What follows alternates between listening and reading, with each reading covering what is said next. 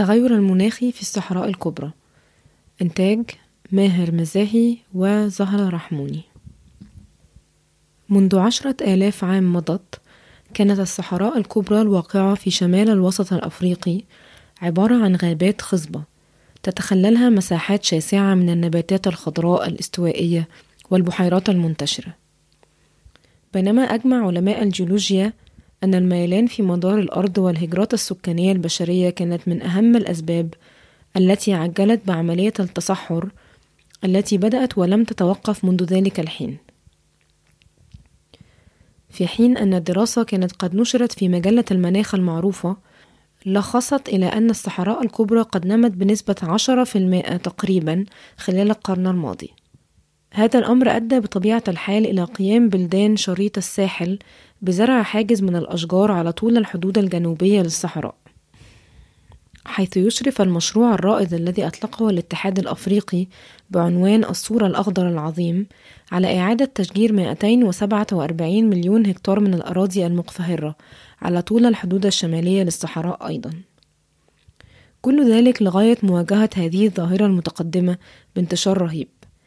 على كل حال لم يعد هناك مثل هذه المبادرات في الوقت الحالي قام فريق مجلة زينث بالسفر إلى ولاية جلفة في الجزائر للتحدث إلى السكان المحليين حول التحديات التي يواجهونها في الحفاظ على ثقافاتهم والتعامل معها والحلول التي صيغت. جلفة على طول الطريق السريع المؤدي إلى ولاية جلفة وعلى بعد 400 كيلومتر جنوب العاصمة الجزائرية سوف تقابلك مئات الخيام المؤقتة على جانبي الطريق. هذه التجمعات السكانية البسيطة المنشأة حديثا تشهد وبشكل حي على ازدياد أهمية الحياة الرعوية. وتقف كمعلم بشري حيث تبدأ السهوبة الجزائرية. وخلال أشهر الصيف أي في أشهر يونيو ويوليو وأغسطس حيث تتجسد الشمس بكامل قوتها تشهد أرض جلفة دون غيرها من المناطق الجزائرية بشكل واضح وطأة التغير المناخي الرهيب. فقد أدى ارتفاع درجات الحرارة وزيادة التصحر والطبيعة التي لا تتعاطف مع التمدن.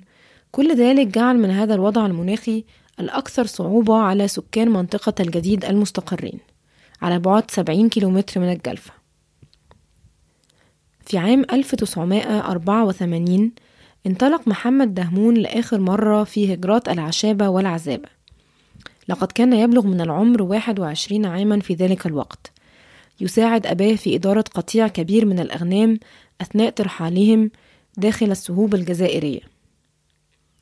علمنا بعد ذلك أن حركة العشابة تحدث بالعادة في أشهر الشتاء حيث يقترب البدو من حدود الصحراء الشمالية بحثا عن رعي قطعان الماشية والبقاء في بيئة أكثر دفئا.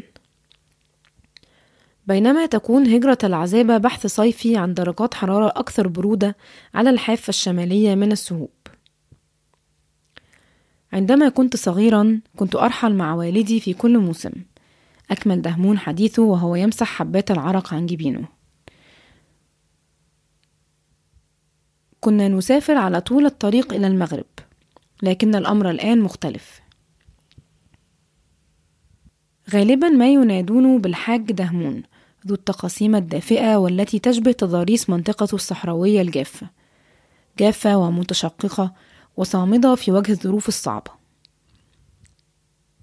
طوله الفارع مع تلك العمامة الجزائرية فوق رأسه الأصلع والتي أضافت بضع سنتيمترات جعلته يتجاوز 193 سنتيمترا.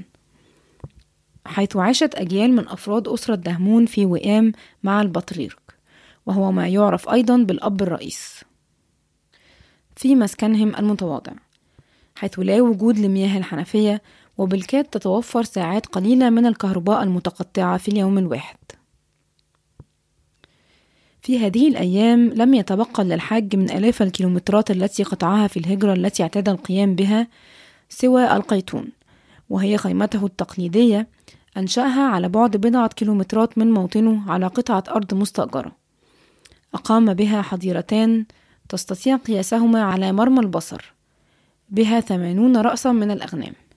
تعددت الأسباب التي دفعت الحاج دهمون إلى الخروج من منطقة راحته. وأول وأهم هذه الأسباب هو انهيار طرق الرعي واختفائها.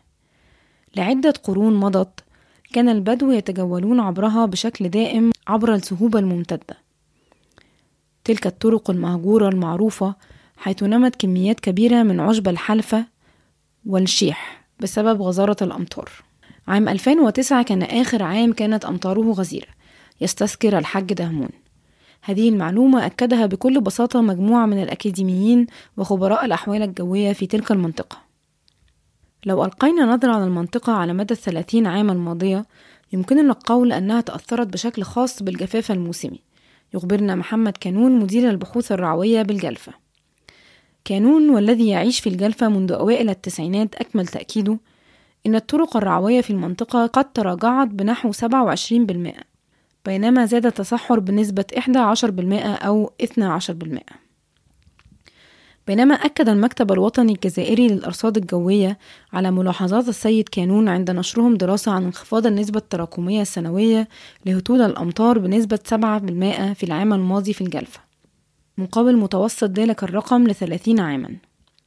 كما لوحظ أيضا تغير أنماط هطول الأمطار غير الموثوق به بينما يعاني الغطاء النباتي في منطقة الجلفة أيضا من ممارسات الزراعة الآلية وإفراط العمل في الأراضي شبه القاحلة.